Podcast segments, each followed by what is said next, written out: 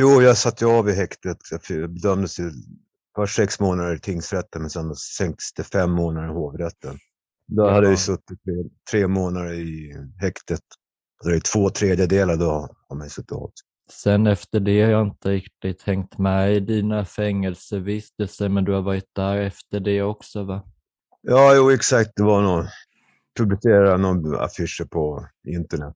Ja, då dömdes jag till, Det var också ja, fem månader. Men då var det fängelse, för då, jag blev inte häktad då, utan då fick jag invänta fängelsestraffet. Så då satt jag väl i Mariefred då, typ två och en halv månad. Mm. Jag var säkerhetsklass två. var det. Är- Är det något på gång nu också? Nej, jag var på något polisförhör för några, typ tre månader sedan. Men jag har inte hört någonting om det mer, så jag vet inte, kanske lägger ner. Hur är de polisförhören egentligen? Jag tänker det måste vara väldigt absurt att sitta och bli förhörd om dina bilder.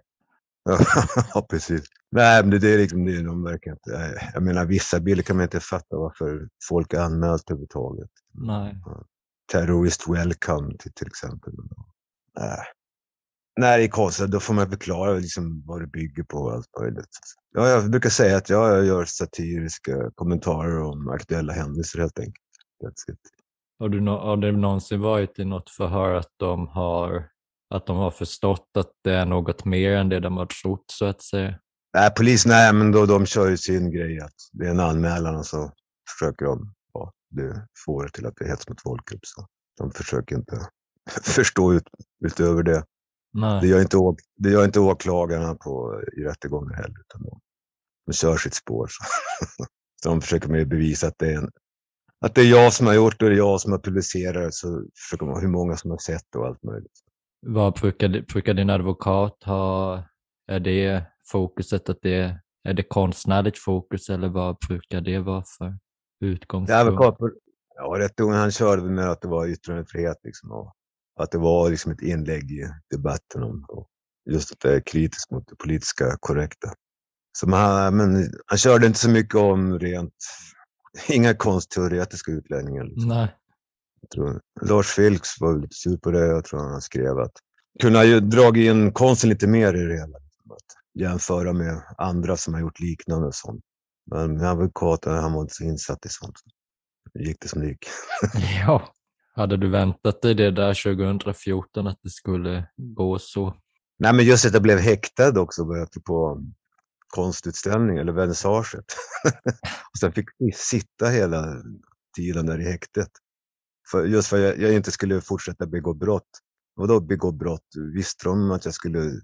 vi- Vilka bilder visste de att jag skulle sätta upp? Nej, det, nej, jag blev förvånad att jag blev just häktad. Liksom. Okej att jag skulle bli åtalad och förhörd och sånt, men ändå vara fri fram till domen. Du, men nej, häkte, det var hårda bud.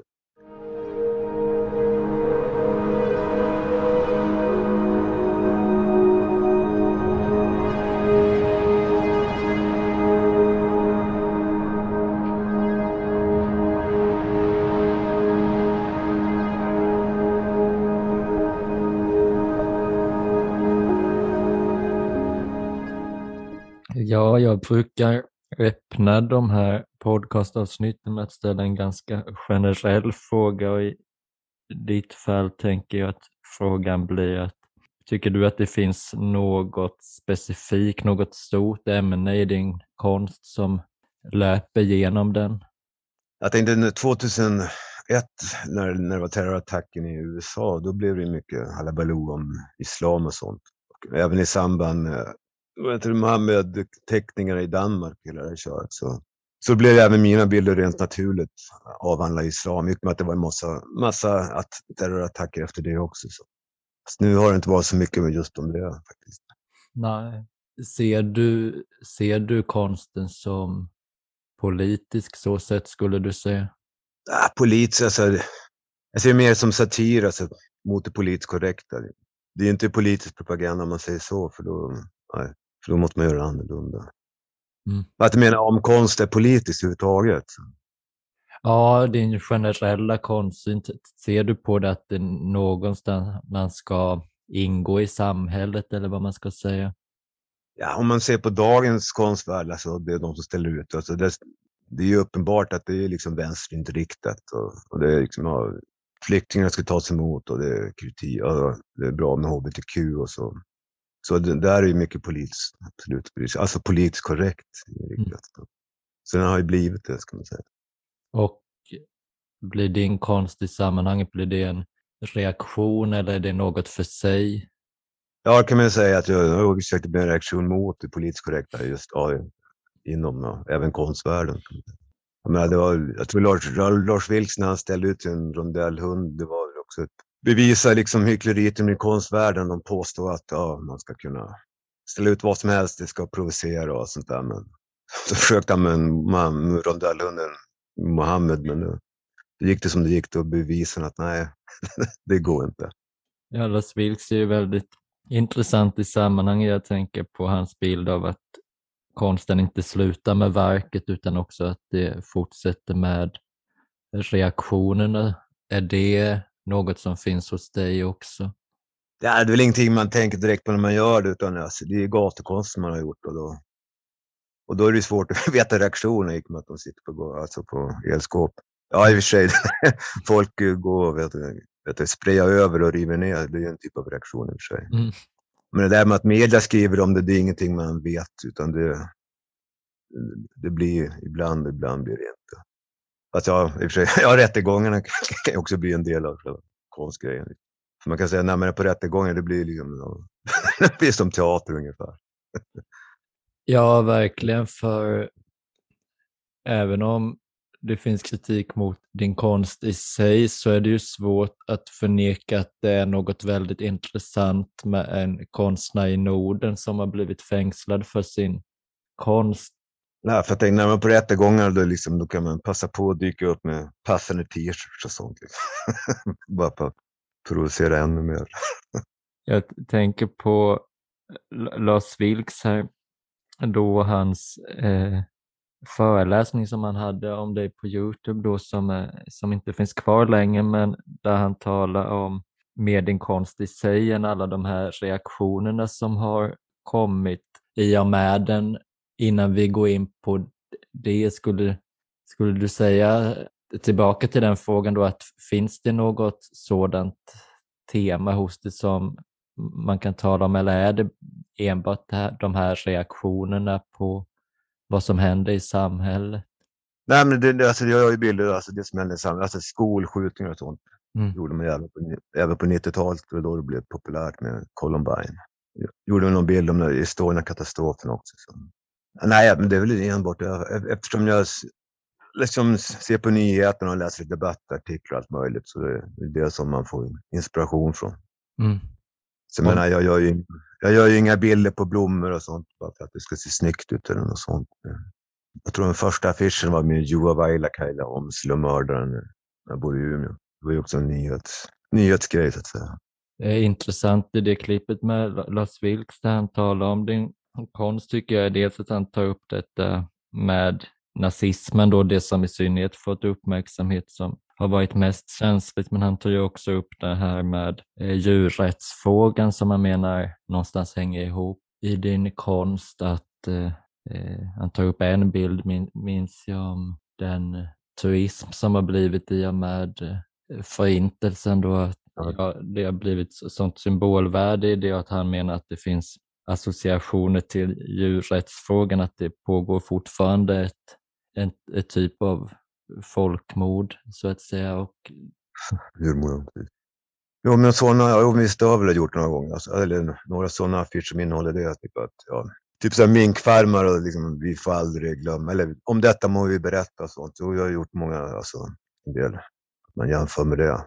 Jag tror även, vad heter det, PETA, någon djurrättsorganisation, har väl också gjort någon, någon reklam för det med den liknelsen. Så, så det det blir också en sån intressant sak om man tittar på i hur kulturen är beskaffad, att man har de här stora berättelserna om vad som har hänt förr i tiden någonstans med utgångspunkten att nu skulle aldrig något sådant hända, så att säga den här blindheten för sin egen kultur någonstans, vad som händer just nu. Nej, det var, jag tror det var någon, någon judisk filosof som sa att för, djuren är, är alla nazister ungefär. Mm. I alla fall för fabriksdjuren, liksom. de som är instängda och utnyttjas. Ja, vilket ju är en väldigt stor majoritet av alla landlevande djur idag är ju just i den situationen. Jag tänker där, hur kom du in på, på djurrättsfrågan från början? Ja, det var alltså, jag är uppfödd på jordbruk, lantbruk. Vi hade typ, typ 30 kor och 40 tjurar. Så man såg ju liksom, de fick aldrig gå ut så. man såg hur jävligt de hade det, så det måste vara där det började liksom. Så man blev av, det var typ i tonåren man började bli vegetarianer eller så. Bara mm. gick med Djurens Rätt och prenumererade på den här tidningen. Eller jag tror det hette Nordiska samfundet mot plågsamma djurförsök på den tiden. Mm. mm.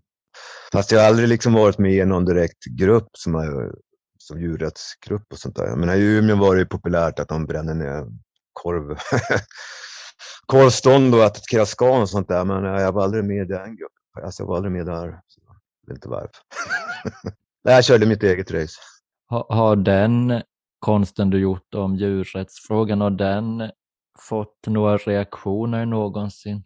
Ja, det är väl någon, någon som kanske reagerar liksom, att man inte kan jämföra djur och människor. Det, är det, liksom. Mm. att det, inte, det har inte varit några skriverier om det, utan det har varit mer några kommentarer publicerat.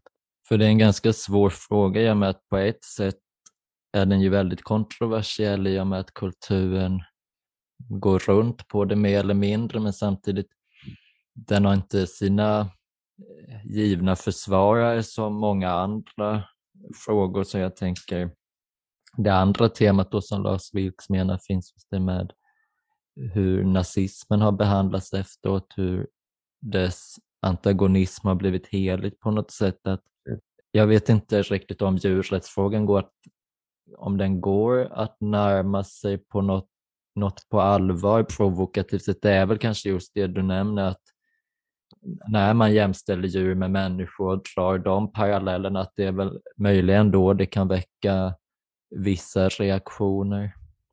Ja, precis.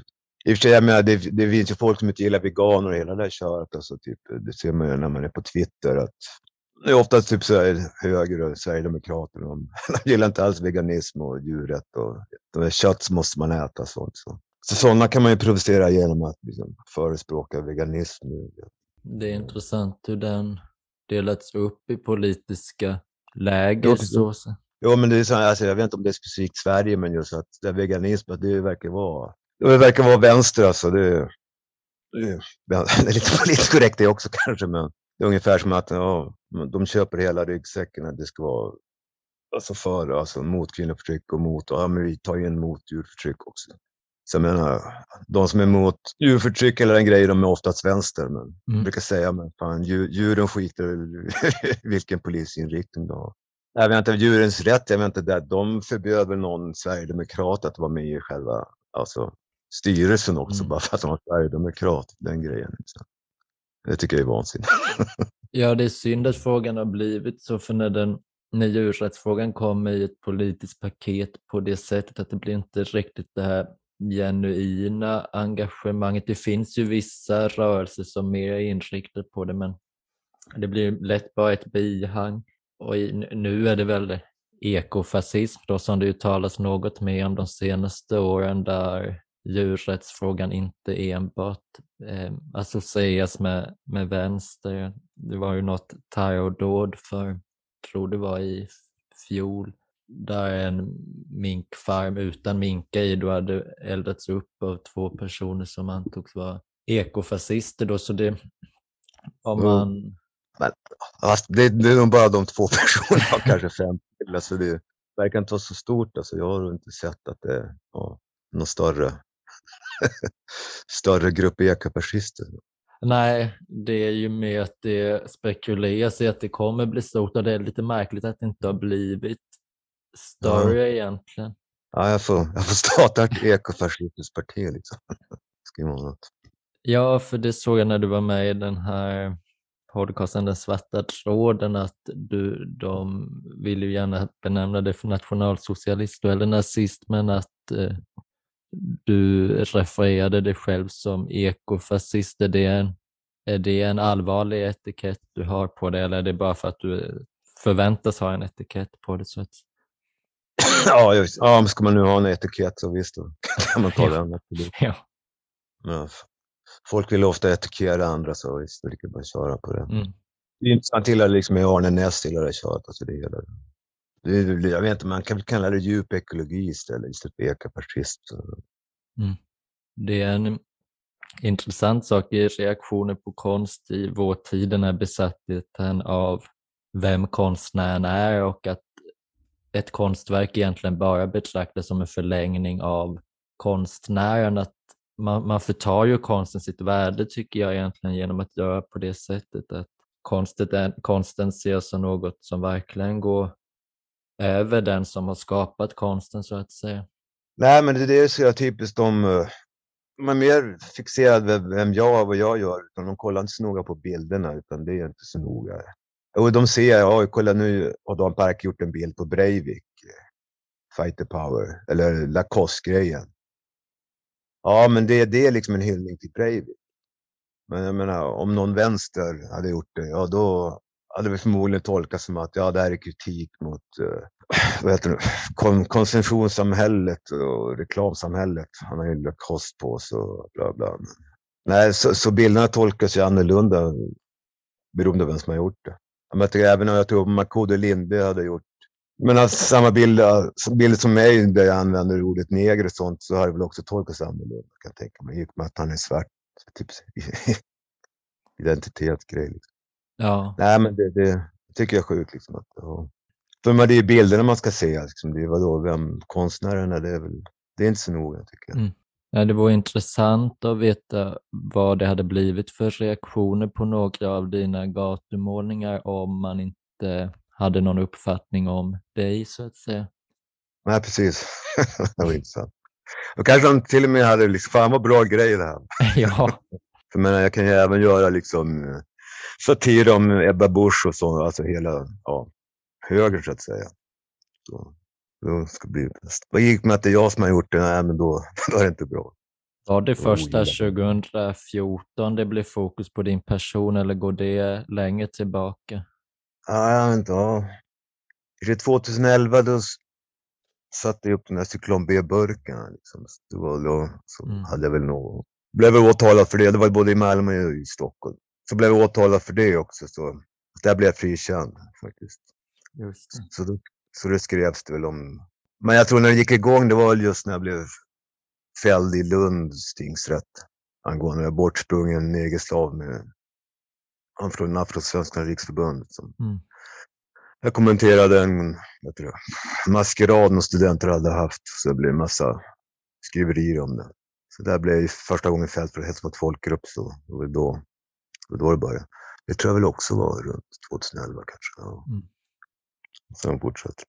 Kristoffer Rösslund, det är någon, ja, det var någon, det är någon journalist nu på, inte, han är fristående, men någon vänsterjournalist som spelar någon hardcore band i Umeå. Han liksom uttalar sig, ja, han, han tyckte att jag gjorde bra grejer på 90-talet. Men sen då blir det bara nazistpropaganda. Så, men jag vet inte vad han menar med det. Så? Okej. jag, jag gjorde bilder på Hitler på 90-talet också. Så? Ja, det är väl innehållet då, men uh, det har inte varit mer skol... Ja, i och för sig, det har ju varit en del skolskjutningar nu också i och för sig kan man säga. Men, nej, men jag tycker jag håller i stort sett samma tema kan man säga. Men som sagt, på 90-talet var det ju ingen islam inblandat i alla fall. Nej, just det. Nej, men jag, jag försöker fortfarande hålla samma själva stil, att det ska se klippa klistra ut. Så.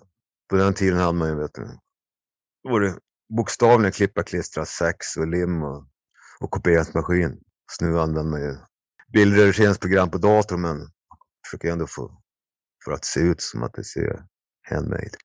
Jag tänkte angående djurrättsfrågan, var en sak jag funderar på i den P1-dokumentären som gjorde för, gjordes för en tid sedan där, som handlade om dig, att eh, de tar upp något tidigt framträdande du hade med, Just. med ett kalvfoster där, där var det, Ja, just det, jag då jobbade i Scan då faktiskt. Jag tror till och med jag hade en mites mördetyrt när jag jobbade. Jag var ju vegetarian. Ja, då, då jobbade jag som jag... De skar upp komagar där, som går till minkmat. Och då kom det med en del kalvfoster då och då, i olika storlekar. Så då tog jag väl hem en livmoder med ett kalvfoster i. Tänkte, sen skulle jag ha någon, någon fest i någon lokal vi hade anordnat. Liksom.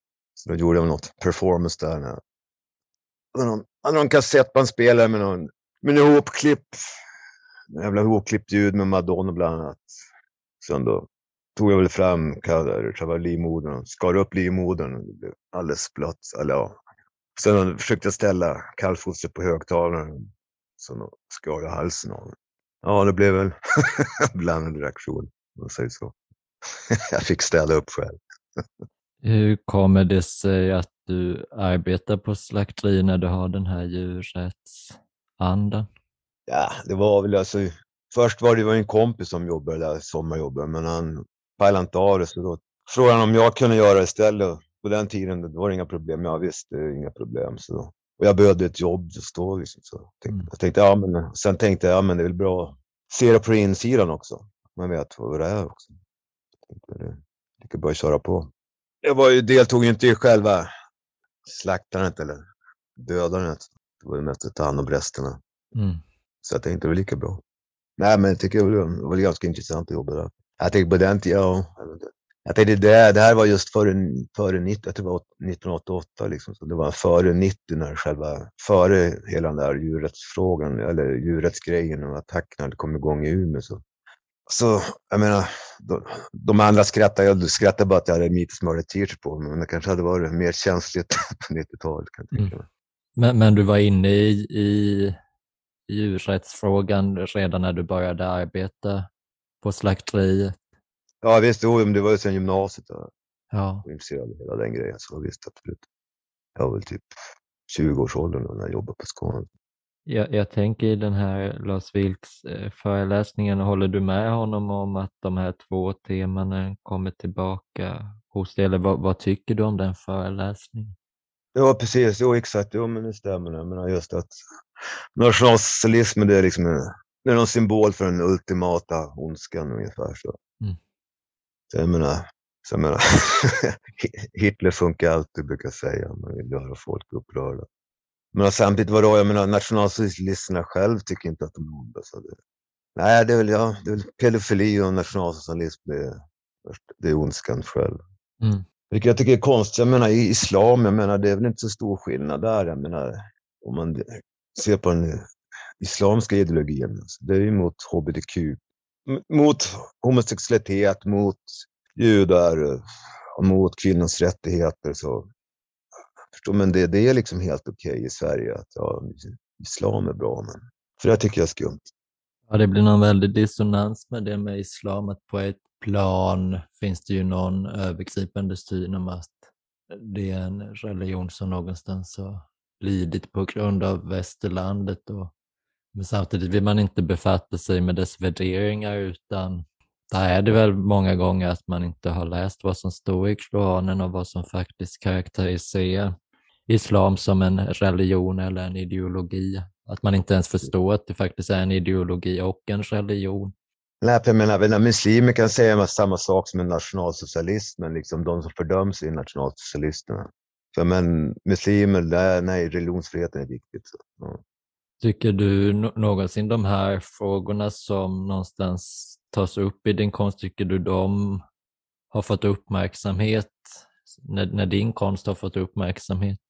Ja, jag är inte bland vanliga, alltså inte i vanlig media, det är bland i alternativmedia då. Jag menar alltså typ, jag har inte sett så mycket typ Aftonbladet, Expressen, hela det här köret, utan de kör med, de kör bara att ja, Dan Park är rasist och sen punkt.